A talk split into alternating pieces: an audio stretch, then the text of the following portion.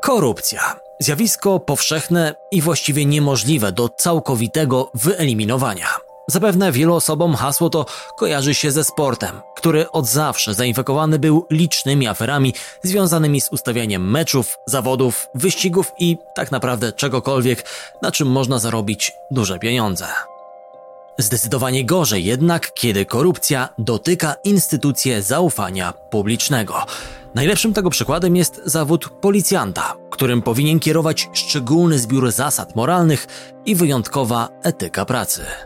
Posiadając możliwość, ale i obowiązek egzekwowania ustalonego prawa, należy samemu to prawo doskonale znać i przestrzegać. Brzmi to ładnie, lecz oczywistością jest, że władza i idące za nią przywileje nieustannie rodzą w ludziach chęć szybkiego, nielegalnego zarobku. Czarne owce są wszędzie. W dzisiejszym odcinku Sondera opowiem Wam historię mężczyzny, który stanowił o sile wyjątkowej, hermetycznej grupy stróżów prawa. Mieli oni zadbać o większy porządek nękanej przez złoczyńców okolicy. A koniec końców nie tylko nie sprostali temu zadaniu, a sami wpisali się w przestępczy klimat miasta.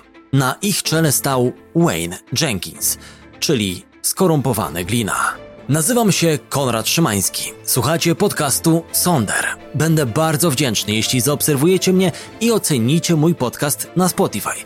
To naprawdę ma znaczenie. Dziękuję za wsparcie. Sonder. Poznaj nieznane historie.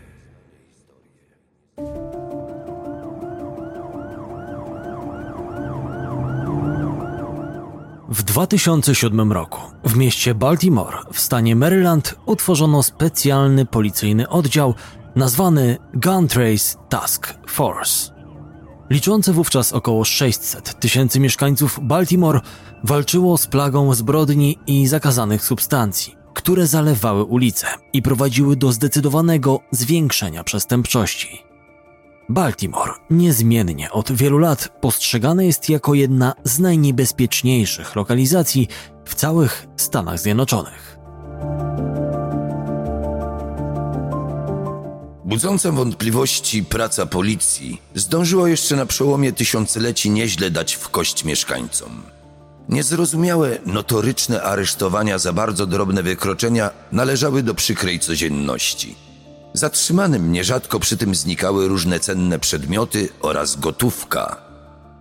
Martwiący się o miasto, były już jego burmistrz Martin O'Malley wierzył, że jeżeli stworzy dobrze wykwalifikowany skład najlepszych funkcjonariuszy, to skutecznie pomoże zwalczyć coraz bardziej szerzące się tam bezprawie. Gun Trace Task Force miał na celu wyłapywanie grubych ryb w przestępczym półświadku. Członków tej elitarnej grupy nie obchodzili podrzędni dilerzy czy handlarze bronią, tylko na przykład szefowie organizacji przestępczych i dystrybutorzy ogromnych ilości niedozwolonych środków. Jeździli rzecz jasna nieoznakowanymi samochodami i w cywilnym ubraniu, aby jak najlepiej wtopić się w tłum. Główną postacią grupy był Wayne Jenkins. To na nim skupiona jest historia skandalu, który zszokował lokalną społeczność. Wayne uchodził za utalentowanego i niezwykle odważnego policjanta o surowym i ostrym usposobieniu. Nie miał zawahań przed brutalnymi interwencjami i bardzo stanowczymi aresztowaniami. Sam Wayne lubił opinię nieustępliwego mięśniaka i miał ku temu powody. Dziennikarka Jessica Lazenhop, która badała sprawę grupy Gun Trace Task Force, w ten sposób opisywała Jenkinsa. Jeśli myślisz o Jenkinsie, to przed oczami masz obraz faceta, który jest twardzielem. Walczył w MMA, wydaje mi się, że pod pseudonimem Silverback. Był postrzegany jako superglina. Kiedy inni policjanci usłyszeli jego imię, z uznaniem twierdzili, że wykonuje dobrą robotę. Miał naprawdę świetną reputację wśród ludzi. Podziwiali go. Jednak to, co Jenkins pokazywał innym, było jedynie kreacją. Prawdziwe oblicze ukrywał pod grubą fasadą pozorów. Był przebiegły i sprytny, co często wykorzystywał w kontaktach z innymi. Dobrze znał prawo i potrafił nim manipulować, aby osiągnąć zamierzone korzyści – W rzeczywistości daleko mu było do dobrego człowieka, a co dopiero do dobrego gliniarza. Lista przewinień, których wraz ze współpracownikami z elitarnego oddziału dopuścił się na przestrzeni wielu lat, jest naprawdę długa i porażająca.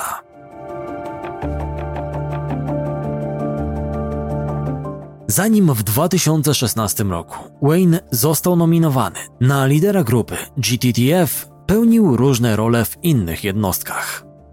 Już wtedy dopuszczał się wielu podejrzanych czynów, które jednak uchodziły mu na sucho.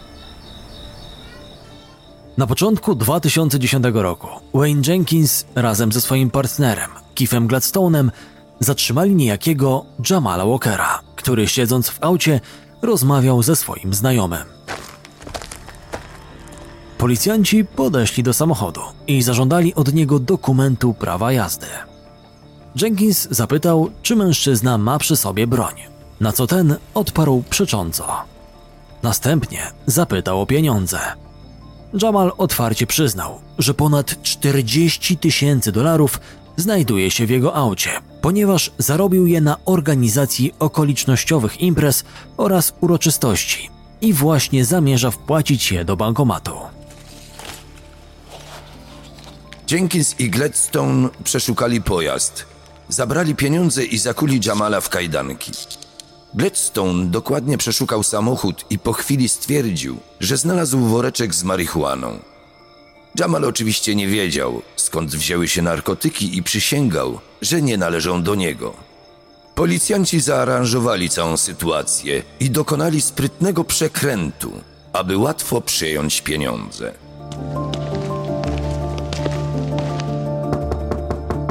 Jakiś czas później obaj gliniarze zapukali do domu Walkerów, w którym obecna była jedynie żona Jamala, Jovon i ich dzieci. Obaj bez posiadanego nakazu rozpoczęli przeszukiwanie domu, mimo głośnych sprzeciwów kobiety. W piwnicy znaleźli broń, na którą Jamal Walker miał pozwolenie. Ale panowie nawet nie zadali sobie trudu, by to sprawdzić, tylko natychmiastowo aresztowali Jovonę na oczach dzieci.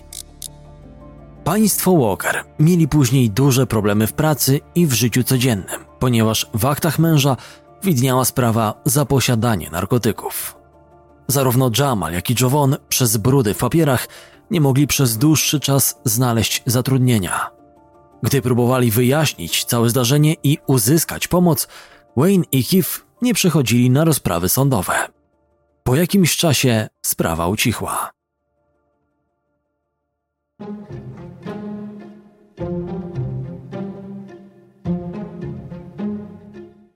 Kwietniu 2010 roku Wayne wraz z innymi policjantami postanowił skontrolować 39-letniego Umara Burleya, który czekał na swojego kolegę Brenta Matthewsa. Razem mieli jechać do sądu, by tam wspierać swoich bliskich podczas procesu. Wszystko zaczęło się od mojego kuzyna. Został oskarżony o morderstwo. Miałem w planach jechać na rozprawę, ale tak naprawdę nie miałem na to ochoty. Byłem w ponurym nastroju tamtego dnia i wahałem się, czy nie zostać w domu. Brent zadzwonił do mnie, że właśnie wychodzi, więc czekałem na spotkanie z nim w samochodzie. Opowiadał Berli po latach. Gdy Umar i Brent chcieli ruszyć, wówczas znienacka zjawił się Jenkins z kolegami. Po zajechaniu im drogi wysiedli z auta w czarnych kominiarkach i z pistoletami gotowymi do użycia. Umar spanikował i zaczął uciekać. W widowiskowym pościgu wjechał w samochód kierowany przez starszego mężczyznę, Alberta Davisa. W wyniku obrażeń 86-latek zmarł. Po tym, jak policjanci ich zatrzymali, zaczęli przeszukiwać samochód Umara. Znaleźli w nim rzekomo 32 gramy zakazanych substancji, poporcjowanych w torebeczkach po 1 gram. 10 czerwca 2011 roku Burley przyznał się w sądzie do zarzutów posiadania narkotyków i został skazany na 15 lat więzienia. Dwa miesiące później przyznał się także do nieumyślnego spowodowania śmierci i otrzymał kolejną karę pozbawienia wolności. Tym razem w wysokości 10 lat. Brent Matthews w związku ze znalezionymi narkotykami poszedł za kratki na dużo krócej, mianowicie na 3 lata i 10 miesięcy. Oczywiście narkotyki w aucie skazanych znalazły się w wyniku kolejnego, bezprawnego czynu skorumpowanego gliny, który zniszczył życie niewinnym ludziom. Ale do tej sprawy jeszcze wrócimy. Jenkins od 2012 do 2014 roku prowadził specjalną jednostkę pod nazwą Plain Clothes Division. Jej członkowie byli zwolnieni z noszenia tradycyjnego umundurowania. Mogli poruszać się po mieście w najzwyklejszych ciuchach, tak by móc wtopić się w konkretne środowisko. Dzięki temu Jenkins nie rzucał się w oczy. Oczywiście wykorzystywał to, by dalej kraść. W grudniu 2014 roku Jenkins i dwaj inni skorumpowani policjanci, Evodio Hendricks i Ben Freeman, zatrzymali etatowego przestępcę Lewara Mulena, który w przeszłości uwikłany był w handel narkotykami i nielegalne posiadanie broni. Lewar miał wyroki w zawieszeniu, co nieuczciwi policjanci chcieli wykorzystać. Mullen pracował w organizacji Safety Streets, która miała na celu dbanie o bezpieczeństwo danego rejonu przez zwykłych mieszkańców. Wymieniali się oni informacjami, obserwowali okolice i robili wszystko, co w ich mocy, aby wokół panował względny spokój. Nie wiadomo, czy dla będącego na bakier z prawem Lewara była to przykrywka, czy po prostu się nawrócił. Ale fakt jego pracy w Safety Streets był kluczowy w momencie, gdy Jenkins i spółka zatrzymali go pod pretekstem niezapiętych pasów. Wiedzieli o wszystkim. Wiedzieli, że mam wyroki w zawieszeniu i gdybym został aresztowany za cokolwiek, nie mówiąc już o broni albo narkotykach, to poszedłbym siedzieć. Wiedzieli o tym i to była ich taktyka. Żalił się Mullen. Skorumpowanym gliniarzom nie było na rękę, że wielu ludzi węszy na ich terenie. Nie trzeba być policjantem, aby chodząc po ulicach i wnikliwie obserwując, dowiedzieć się wielu rzeczy na temat ciemnej strony miasta. To na pewno przeszkadzało członkom Gun Trace Task Force, którzy mieli swoje za uszami i musieli dbać o jak największą dyskrecję. Poza tym odstraszanie przestępców wspólną siłą mieszkańców sprawiało też, że Jenkins i spółka mieli także mniej brudnych interesów do ubicia. Wykorzystali więc Mulena i podczas kontroli podrzucili mu broń, by w ten sposób skompromitować Safety Streets i pokazać, że dobra policja stoi na straży prawa, a zwykła organizacja zrzeszająca cywilów działa z mającymi wyrok w zawieszeniu łotrami na pokładzie. Lewarowi adwokat doradził przyznanie się do winy, bowiem liczenie na sprawiedliwość w tym wypadku przypominało walkę z wiatrakami. Mieszkańcy miasta narzekali na miejscową policję. Po różnych dzielnicach wędrowały plotki o korupcji i nagannym zachowaniu niektórych funkcjonariuszy. W Baltimore często dochodziło do scysji na tle rasowym, co bardzo rozjuszało społeczeństwo i prowadziło do przemocy.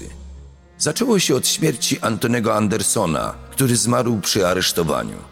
W 2013 roku podobny los spotkał Tyrona Westa, a dwa lata później Mike'a Browna.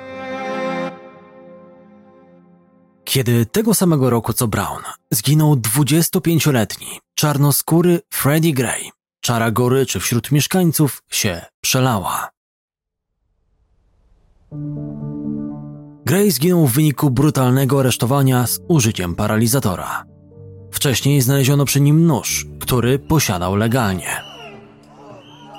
Około 60 tysięcy osób, a więc 10% populacji miasta wyszło na ulicę w ramach protestu. Transparenty i głośne hasła wobec policji to nie wszystko. Doszło do zamieszek, w wyniku których zniszczono i okradziono wiele sklepów. Policja stała się wrogiem numer jeden. Bestialsko potraktowany Gray został kimś w rodzaju miejscowego męczennika, symbolu zgnilizny, która rozprzestrzeniała się po organach ścigania. Sprzeczna natura Wayne'a Jenkinsa została doskonale zobrazowana 27 kwietnia 2015 roku, dokładnie w dniu pogrzebu Frediego Greya. Kilku policjantów ucierpiało w wyniku zamieszek. Jenkins siedział w pokoju kontrolnym i miał to gdzieś. W pewnym momencie jednak wyszedł, wsiadł w furgonetkę, przejechał tuż obok szeregu ludzi w samym centrum awantury – po czym pomógł zranionym gliniarzom, w których rzucano cegłówkami i kamieniami i wrzucił ich na tył auta. Ludzie nie wiedzieli jednak, że rzekomy bohater później na własną rękę łapał ludzi, którzy nielegalnie plądrowali apteki i zabierał im fanty, by sprzedawać je z pomocą dealerów. Mówił Bynard Woods, współautor dokumentu I Got a Monster oraz książki o tym samym tytule. Oba dzieła opowiadają o skorumpowanej policji w Baltimore na czele z Wayne'em Jenkinsem. Wiosną 2016 roku, na kilka miesięcy przed awansem na szefa elitarnej grupy, Jenkins dopuścił się wraz z trzema innymi policjantami najbardziej zuchwałych oszustw w swojej karierze.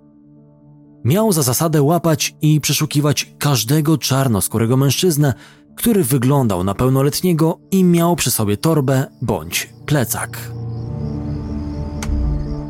22 marca, przejeżdżając srebrnym Chevroletem Malibu przez jedną z dzielnic, zauważył przechodnia pasującego do jego kryteriów. Wraz z Jenkinsem w aucie byli jeszcze Marcus Taylor, Maurice Ward oraz wspomniany już wcześniej Evodio Hendricks. Wszyscy umoczeni w korupcję. Czteroosobowy zespół przyglądał się, jak 36-letni Dimitrius Brown wsiadł do samochodu Orisa Stevensona. Wówczas Jenkins w gminieniu oka ruszył, by znienacka zaatakować. Policjanci byli naprawdę szybcy i zaskoczyli obu panów. W pojeździe znaleźli 20 tysięcy dolarów i około pół kilograma kokainy. Tym razem niczego nie podrzucali. Naprawdę mieli do czynienia z poważnymi dealerami. Hendrix, odpowiedzialny w ekipie za robotę papierkową, stwierdził, że zbyt mocno przyciemniona przednia szyba będzie dobrym pretekstem do zatrzymania. Nieważne, czy w rzeczywistości faktycznie taka była. Jenkins zarekwirował Stevensonowi telefon oraz klucze do mieszkania i podobnie jak Browna, skuł go kajdankami. Detektyw Taylor nagrywał interwencję na wideo, więc musiała ona przebiegać profesjonalnie. Z budynku obok w pewnym momencie wyszła partnerka Browna i swoim telefonem zaczęła filmować całą akcję. Więc wściekły Jenkins wyrwał jej telefon z rąk i mocno ją nastraszył. Dowódca Gun Trace Task Force wiedział, że Stevenson to duża postać w półświadku. Był dobrym celem, aby znacznie się wzbogacić. Jenkins skłamał, że jest z FBI i od dawna rozpracowywali Stevensona i jego wspólników. Więc lepiej będzie, jeśli ten zacznie od razu mówić, bowiem król jest już nagi. Zakomunikował mu, że jego dom zostanie przeszukany i zażądał adresu. Zaproponował, że puści ich wolno, jeśli tu i teraz będą współpracować. Stevenson nie chciał kłopotów, więc podał prawidłową lokalizację swojego lokum. Zdradził również, że w piwnicy policjanci natrafią na sejf, w którym jest kokaina i gotówka. Podekscytowany Jenkins wiedział, że trafił w dziesiątkę i wkrótce w jego ręce wpadnie sporo brudnych pieniędzy. Musiał tylko wykonać telefon do swojego wspólnika, do niego stepa, włamywacza i handlarza zakazanymi substancjami. Obaj dobrze się znali i prowadzili interesy od lat. Do niej spieniężał towar dostarczany przez Wayna albo odkupował go w celu dalszej dystrybucji. Zadzwonił do mnie i powiedział, że ma potwora. W naszym slangu oznaczało to, że rozpracowuje kogoś dużego. Nie żadnego tam podrzędnego dealera, tylko naprawdę grubą rybę. Przekazał mi, że w sejfie w piwnicy jest nawet kilkaset tysięcy dolarów w gotówce, a w szafie obok 10 kg kokainy. Wskoczyłem więc do mojej ciężarówki i pojechałem pod wskazany adres. Lecz kiedy zakradłem się tylnym wejściem, zobaczyłem, że ktoś jest w domu. Wspominał Step w dokumencie I Got a Monster, gdzie występował jako jeden z powiązanych z Jenkinsem ludzi. Tuż przed wejściem do piwnicy, od tyłu domu, Step usłyszał hałas wydobywający się ze środka. To go spłoszyło, więc szybko czmychnął do swojego wozu. Pomyślał, że w domu ktoś jest i być może sprząta obciążające dowody przed przyjazdem policji. Później okazało się, że to przestraszony syn Stevensona wyszedł przez okno. Donnie zadzwonił do Wayne'a i przekazał mu, jak wygląda sytuacja. Jenkins i załoga po chwili podjechali na miejsce i jak gdyby nigdy nic, przy użyciu zarekwirowanych kluczy weszli do środka. Szybko znaleźli sejf i szafę, w której znajdowało się 10 kg kokainy. Jenkins wziął dwie paczki, po jednym kilogramie każda, upchnął je za pazuchą i pod pretekstem wyjścia po narzędzia do otwarcia sejfu opuścił budynek.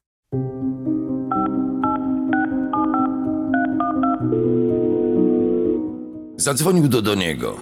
Gdy ten podjechał, wrzucił mu narkotyki do środka. Zażądał 15 tysięcy dolarów w zamian za towar, więc cena była iście promocyjna. Kilogram kokainy kupiony hurtem kosztował około 30 tysięcy dolarów, a sprzedając ją poporcjowaną w standardowej cenie 100 czy 125 dolarów, można zarobić nawet 200 tysięcy. Koledzy od interesów doszli do porozumienia i każdy z nich udał się w swoją stronę.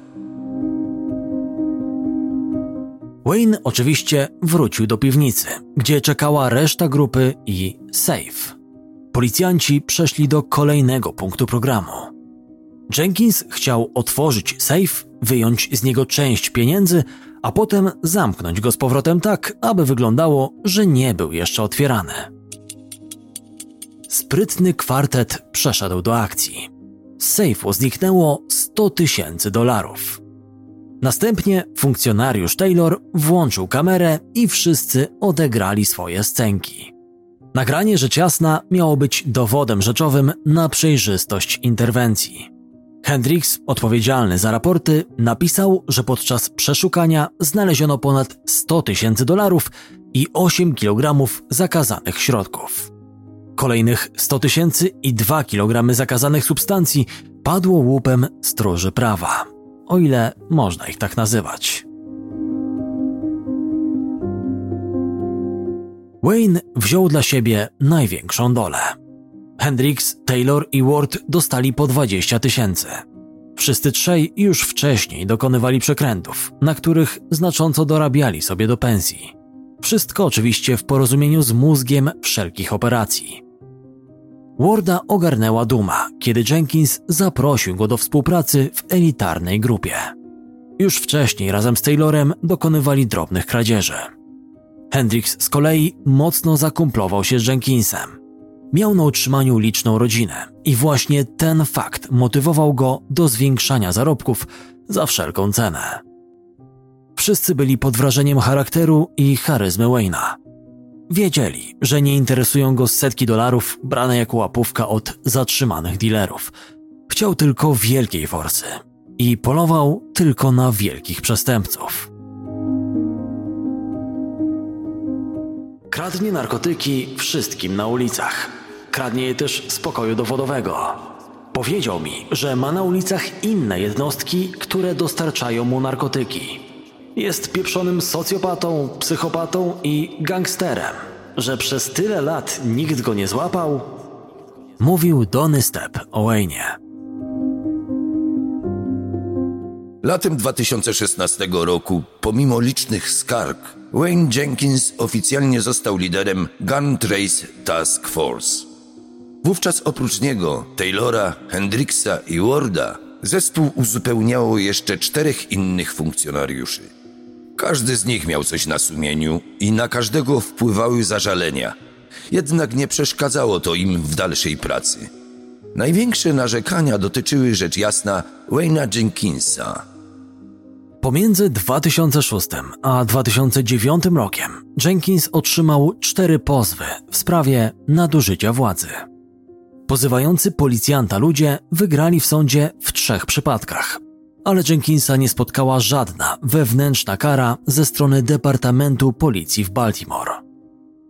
W 2014 roku do jednostki policyjnej do spraw uczciwości w biurze prokuratora stanowego Baltimore wysłano nagranie, na którym można przypuszczać, iż Jenkins podkłada narkotyki w jednym z samochodów podejrzanego. Prokuratura ustaliła, że ten konkretny materiał wideo nie jest wystarczającym dowodem, aby móc oskarżyć sierżanta o coś kontrowersyjnego.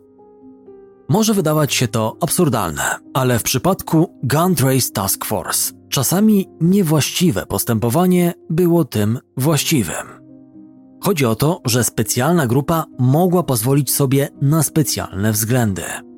Jest kompletnie niezależna, nie musi przeprowadzać rutynowych aresztowań i łapać zwykłych zbirów.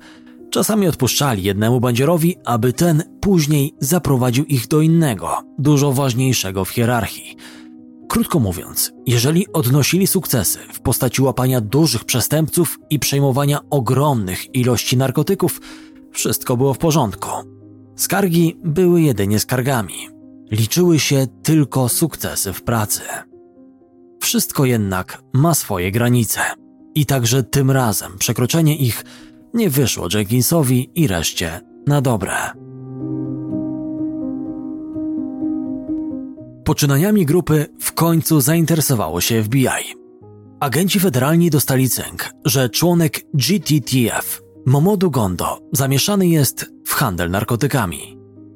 W międzyczasie Jenkins chciał, aby Donny Step zaczął współpracować też z jego skorumpowanymi kolegami. Wayne przeczuwał, że kłopoty są blisko. Stresował się kolejnym wewnętrznym śledztwem prowadzonym w jego sprawie. Nie spodziewał się jednak, jak dobrze jest już rozpracowany przez federalnych. Kiedy w marcu 2017 roku Jenkins i jego podwładni odwiedzili budynek Departamentu Spraw Wewnętrznych Policji w Baltimore, byli przekonani, że mają tam wyjaśnić coś nieznaczącego. Byli bardzo pewni siebie, ponieważ regularnie rekwirowali tuziny nielegalnej broni, a ich skuteczność imponowała przełożonym w wydziale. Tuż po opuszczeniu windy na drugim piętrze czekała na nich niespodzianka w postaci uzbrojonego po zęby oddziału SWAT.